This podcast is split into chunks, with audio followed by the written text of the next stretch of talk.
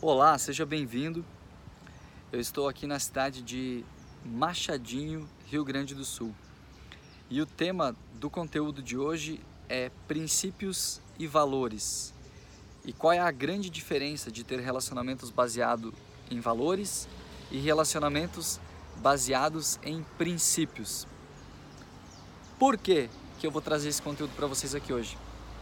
Porque eu aprendi ao longo da minha vida e também através dos conhecimentos que eu fui adquirindo, que sempre que nós levamos valores para as nossas relações, para os nossos relacionamentos, nós temos conflitos e problemas emocionais. E sempre que nós levamos os princípios, nós temos uma assertividade muito grande. Nós temos uma paz de espírito muito maior e relacionamentos muito mais assertivos no nosso dia a dia. E por que, que eu estou gravando nesse local aqui para vocês esse conteúdo? Por que, que eu vou falar sobre princípios e valores? Por que, que eu vou falar sobre princípios e valores com vocês desde esse local aqui que eu estou? É um local diferente, é uma paisagem diferente e na verdade eu estou aqui onde tudo começou para mim, o meu princípio foi aqui, na cidade de Machadinho. Meus pais me conceberam aqui nessa cidade e eu nasci aqui na cidade de Machadinho, Rio Grande do Sul. Sou gaúcho, filho de pai gaúcho, filho de avô gaúcho e filho de bisavô italiano. Também tem a parte da minha mãe, né? Falei aqui a parte do meu pai, mas o princípio da minha vida aconteceu aqui na cidade de Machadinho. E sempre que nós falamos de princípios e valores, quando eu falo princípio, vem à cabeça início, vem começo. E eu vou explicar para vocês, tintim por tintim, o que é esse negócio de levar princípios para dentro dos relacionamentos e o que é levar valores para dentro dos relacionamentos. Mas antes eu quero te contar uma história bem interessante que tem tudo a ver com o conteúdo, que é o seguinte: a minha mãe nasceu aqui perto da cidade de Machadinho, nasceu em Piratuba. Ela não é gaúcha, ela é barriga verde, mas ela nasceu aqui pertinho. E ela sempre torceu na vida dela para o Grêmio, que é um time bem comum aqui no sul do país, aqui na, no estado do, do Rio Grande do Sul. Já o meu pai sempre torceu para o Inter, internacional. E aí já fica claro que, meu, torce para um time, torce para outro, há a possibilidade de um conflito. Engraçado que eles sempre assistiam os jogos juntos e eles nunca brigavam. Eles sempre assistiam inclusive os grenais juntos e nunca brigavam. Sabe por quê? Vou te explicar ao longo desse vídeo. Eles nunca levavam valores para dentro das relações deles, para dentro do relacionamento deles eles sempre levaram os princípios. E já já vai ficar bem claro para vocês o que são os valores e o que são os princípios. Se você observar ao longo da sua vida, há coisas que são muito importantes para você e há outras coisas que são muito importantes para os outros. Só que nem sempre aquilo que é importante para mim é importante para o outro também. Isso são os valores, de uma forma bem simples. Eu já vou entrar um pouquinho mais, tá? Mas, por exemplo, um valor muito importante para o meu pai era torcer para o Inter. Já um valor muito bom, muito importante para minha mãe era torcer para o Grêmio. Imagina os dois trazendo para dentro do relacionamento deles esses dois valores. Imagina num dia de Grenal eles trazendo para dentro dos relacionamentos esses dois valores a possibilidade de conflitos era gigantesca. Mas raras foram as vezes, se é que existiram, que eu vi eles discutindo ou brigando por causa de futebol. Discutindo ou brigando por causa de valores. E aí você vai, vai se perguntar assim, tá, mas como que faz para um pai que torce para o Inter, uma mãe que torce para o Grêmio, para não brigar no dia do Grenal, por exemplo? Como que faz isso? Como que faz para passar por cima desses valores tão fortes E aí eu vou dar a chave para você, usando os princípios. Se você observar aquilo que eu falei agora há pouco no início do vídeo, eu falei que a minha história começou aqui na cidade de Machadinho. E a minha história começa através de um momento simbólico muito importante, que é o momento da minha vinda para esse mundo.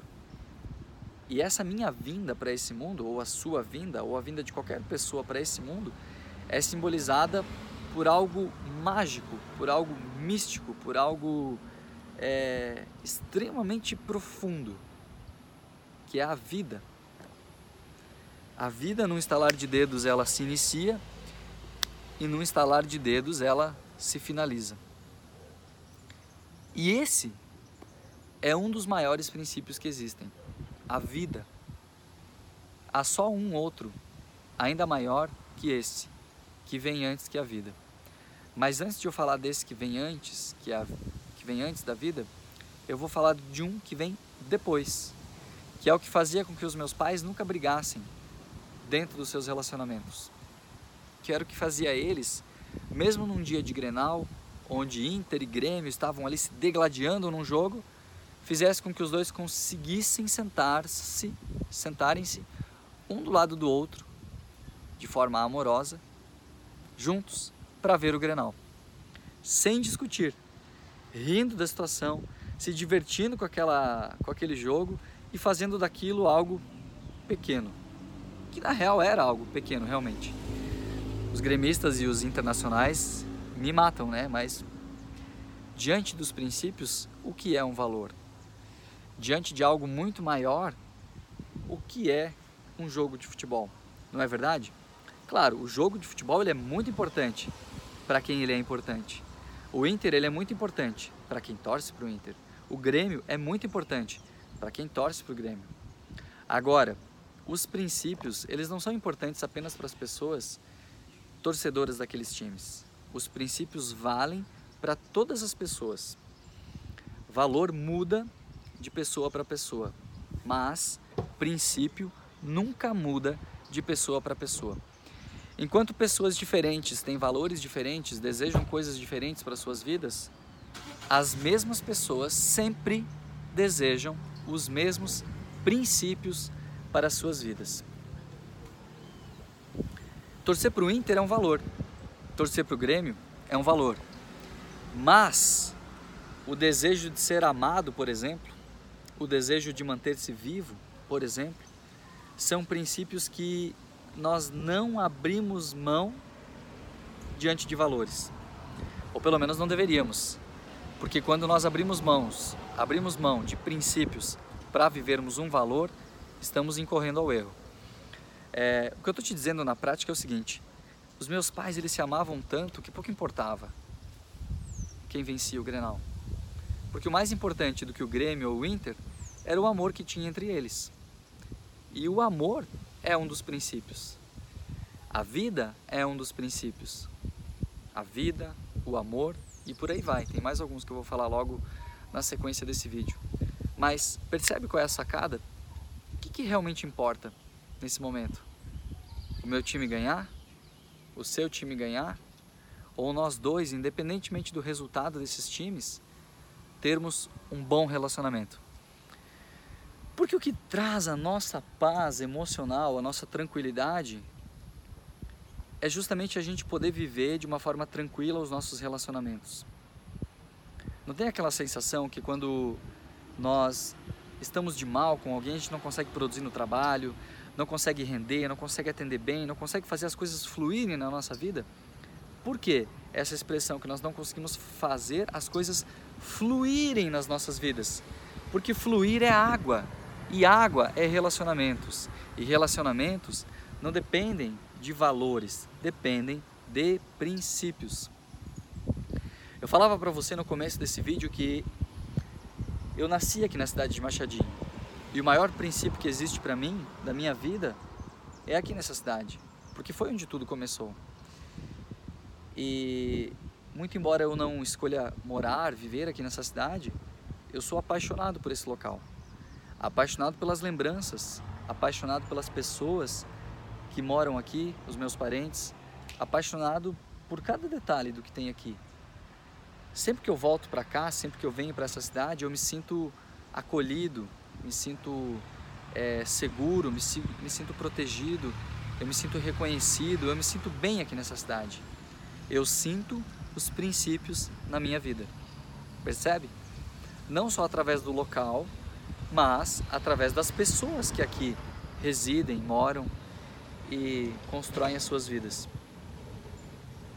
Essa cidade calma e tranquila, que de vez em quando passa um carro para cá, passa um carro para lá, é o símbolo do que representa trazer os princípios para a nossa vida e para os nossos e para os nossos relacionamentos.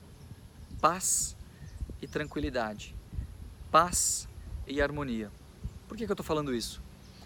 Quando os nossos relacionamentos estão bem, a gente pode até não estar numa cidade calma como essa. A gente pode até estar numa cidade agitada e tudo mais. Mas se os nossos relacionamentos estão bem, se o nosso coração está bem com os outros, se as nossas emoções estão fluindo bem, se os nossos relacionamentos estão fluindo bem, as coisas simplesmente fluem de uma forma muito natural, muito tranquila, e a gente consegue sentir essa paz, consegue sentir essa tranquilidade na nossa vida. E isso é levar os princípios para as nossas relações. Vou dar alguns exemplos de valores, tá? Por exemplo, eu estou usando esse relógio. Para mim, isso é um valor importante. Eu uso barba. Eu uso meu cabelo dessa forma aí.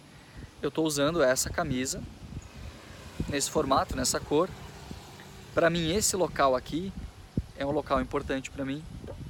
São valores que podem ser bons para mim e pode ser que não sejam bons para os outros. Se uma mulher estiver me assistindo, talvez ela, até porque ela não tem, mas ela não vai querer usar barba ou um cabelo dessa forma. Ou talvez sim, talvez não. Se ela for uma corredora, ela vai gostar de usar um relógio assim. Talvez se ela não for, se ela não seja uma corredora, ou um corredor, se for um homem, talvez não queira usar um relógio assim. Tem pessoas que depilam os seus braços, tem pessoas que não. Tem pessoas que não usam barbas. Percebe? Tudo que muda em grau de importância de uma pessoa para outra são valores. E tudo aquilo que não muda de mim para ti, de você para qualquer outra pessoa no mundo independentemente da sua cultura, do seu credo, da sua religião, da sua cor, é, de qualquer coisa, são os princípios. Porque afinal de contas, nós temos times diferentes, escolhemos comidas diferentes, escolhemos lugares para morar diferentes, escolhemos carros diferentes, escolhemos é, roupas, comidas, tudo que a gente escolhe na nossa vida é diferente de um para o outro. Porque os nossos valores mudam. Eu estou usando uma botinha aqui nesse momento. Uma bota, tipo um tênis. Estou de calça, estou usando cinto. Tem pessoas que não, não gostam de bota, usam tênis. Tem pessoas que não gostam de tênis, usam sandálias, usam chinelo. Tem pessoas que andam descalças, os índios, por exemplo. Percebem? São valores diferentes. Só que para qualquer pessoa no mundo, independentemente do local onde ela vive, do que ela se alimenta, como ela se relaciona, ela deseja inconscientemente levar os princípios para a sua vida. Ela deseja inclusive que as pessoas tragam os princípios para a vida dela. Ela deseja ser capaz de levar os princípios para a vida dos outros, mesmo sem perceber. E o que são os princípios? O maior princípio que existe, vou falar primeiro o segundo maior. O segundo maior princípio que existe é a vida. O terceiro maior princípio que existe é o amor. O quarto maior princípio que existe é a segurança. O quinto maior princípio que existe é a liberdade. E o primeiro princípio, o maior de todos, que existe, independentemente da sua crença religiosa, é a inteligência a presença, a sabedoria que existe entre as coisas, que criou tudo isso que nós vivemos. Que eu, na minha crença religiosa, chamo de Deus. E você, na sua crença religiosa, se é que você tem alguma, você chama do jeito que você quiser. Mas esse é o maior princípio que existe. O maior princípio que existe é Deus. O segundo maior princípio que existe é a vida. O terceiro maior princípio que existe é o amor. O quarto, a segurança. E o quinto, a liberdade. Todos nós, vou falar dos mais simples primeiro. Todos nós desejamos a vida. Nós não desejamos morrer em sã consciência ou se nós não estivermos vivendo um momento de dor em nossas vidas, nós desejamos permanecermos vivos pelo maior tempo possível. Já conheceu alguém que quis morrer antes? Eu, pelo menos, não. Já conheceu alguém que não desejou ser amado? Já conheceu alguém que não desejou amar alguém? Dar e receber amor? Já conheceu alguém que não desejou segurança? Que não desejou liberdade? Tem mais um que eu não falei, que não desejou, que não desejou ser reconhecido por aquilo que faz, por aquilo que fala, como faz e etc. Todos nós desejamos isso. Então, se eu pego na minha vida, nos meus relacionamentos, nas amizades que eu tenho, nos relacionamentos comerciais que eu tenho, nos relacionamentos, no relacionamento amoroso que eu possa ter, se eu pego e eu tiro os valores de lado e eu trago os princípios, tudo flui de forma natural assim como esse oxigênio que eu estou respirando aqui nessa forma, nesse momento, sem ter que fazer força. Ele simplesmente flui, ele simplesmente acontece. É algo natural. Sempre que eu respeitar a vida, sempre que eu for amoroso, sempre que eu respeitar a crença religiosa da pessoa que for, independentemente do que ela acredita, sempre que eu respeitar o Deus dela, e honrar esse Deus dela e honrar o meu Deus, sempre que eu levar amor para os meus relacionamentos, independentemente se é um relacionamento é, com outra pessoa do outro sexo ou se é uma ou do mesmo sexo, né? É, ou se é um relacionamento comercial, uma amizade ou um relacionamento que a gente fala um relacionamento amoroso para quando a gente está se relacionando é, com uma pessoa, né? Mas percebe? Sempre que eu levo amor para os relacionamentos, as coisas fluem de forma mais natural.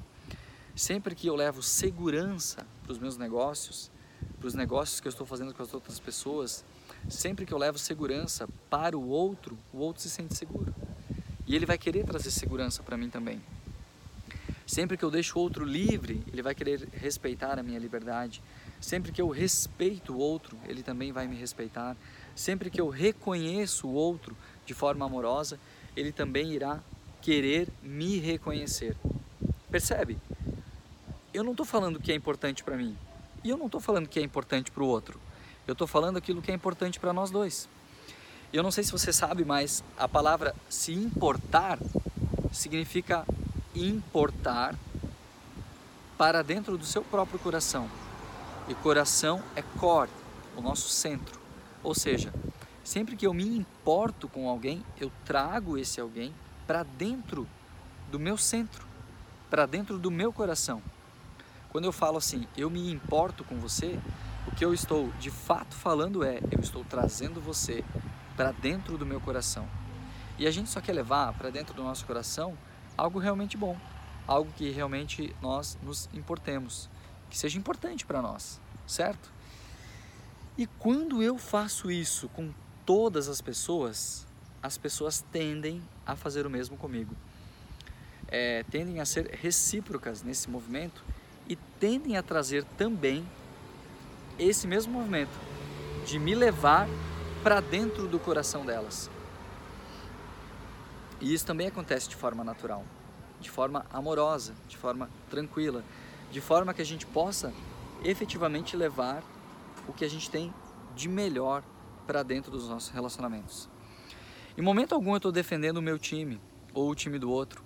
Independente, em, é, em momento algum eu estou defendendo o uso de uma cor de camiseta, do uso do, do uso do relógio ou não, do uso de uma pele é, com pelos ou sem pelos, de uma pele branca ou de uma pele preta, de barba ou não barba, em nenhum momento eu estou defendendo coisas que são importantes para mim, mas que não são importantes para o outro, ou importantes para o outro, não importantes para mim. Eu estou simplesmente defendendo coisas que são naturais para todos nós.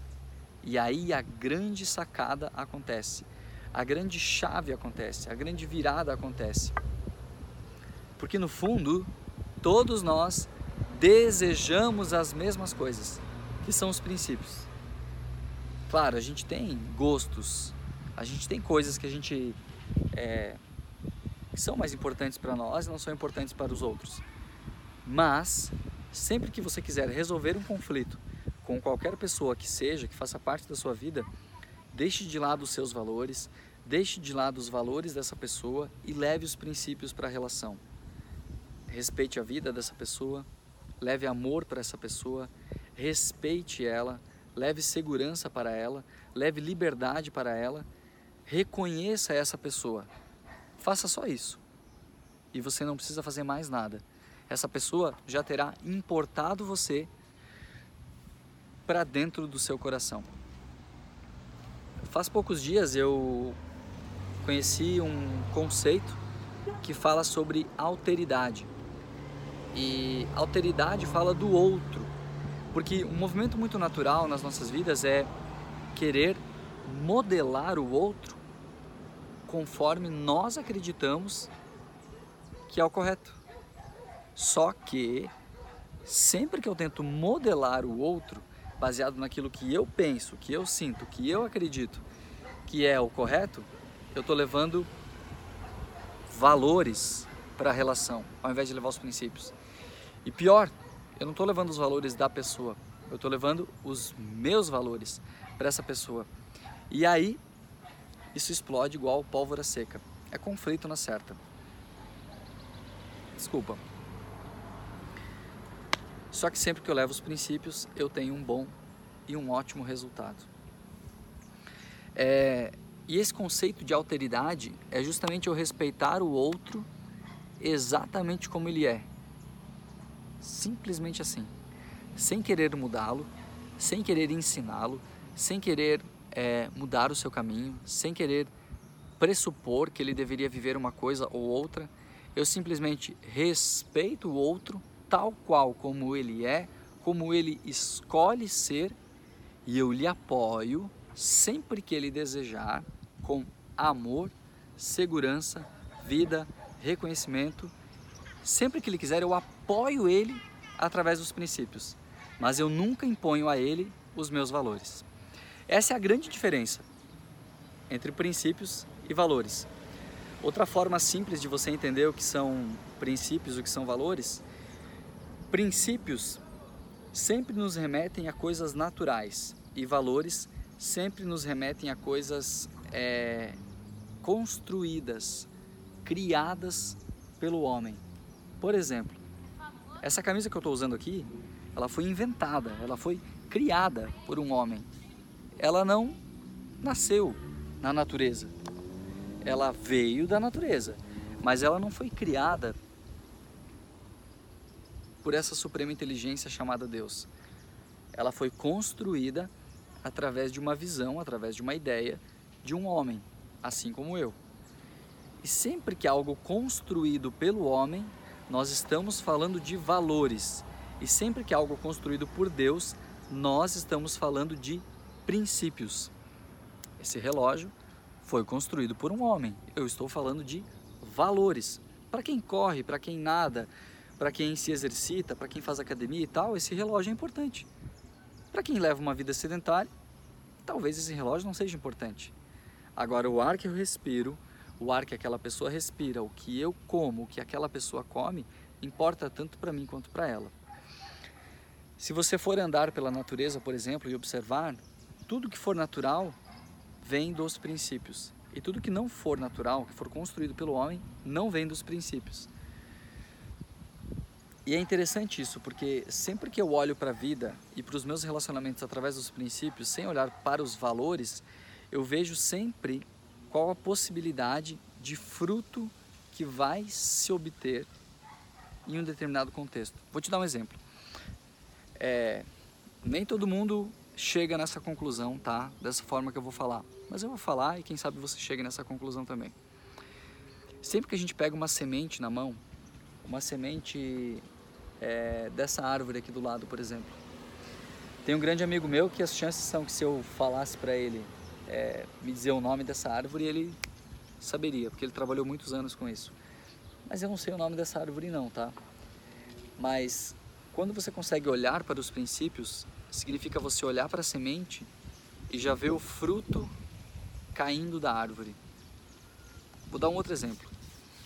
Você olhar para uma criança e perceber que ela não é uma criança. Ela está criança.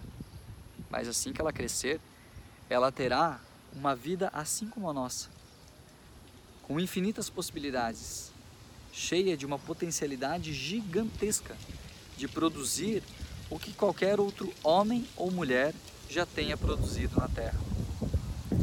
Quando a gente olha para uma pessoa e não sentencia o destino dessa pessoa baseado no que ela viveu, baseado nos sofrimentos que ela vive, baseado nos baseado nas realidades que ela viveu, e a gente sim, simplesmente olha para ela como olhar para uma semente com a potencialidade pura de dar uma árvore que dá frutos verdadeiros, nós estamos olhando para essa pessoa através dos princípios. E nós estamos levando o conceito de alteridade para essa relação. Porque eu estou respeitando essa pessoa do tamanho que ela realmente é. Porque essa pessoa é gigantesca. Quando um bebezinho nasce, por exemplo, é como uma pequena semente. Ou se a gente voltar um pouco mais, né? Um espermatozoide, um óvulo, são pequenas sementes. Esses dois, quando se juntam, uma pequena semente. E que mágico esse processo porque ali, naquela fecundação, nesse princípio da vida, desse óvulo, eu não sei o nome do que está passando aqui, tá? Mas é um é um daqueles caminhões ou tratores que colhem a plantação. Aqui é mais comum do que vocês imaginam, tá? Passar por aqui. Sempre que eu levo, sempre que eu olho para aquele, para aquele óvulo fecundado por aquele espermatozoide, sempre que eu vejo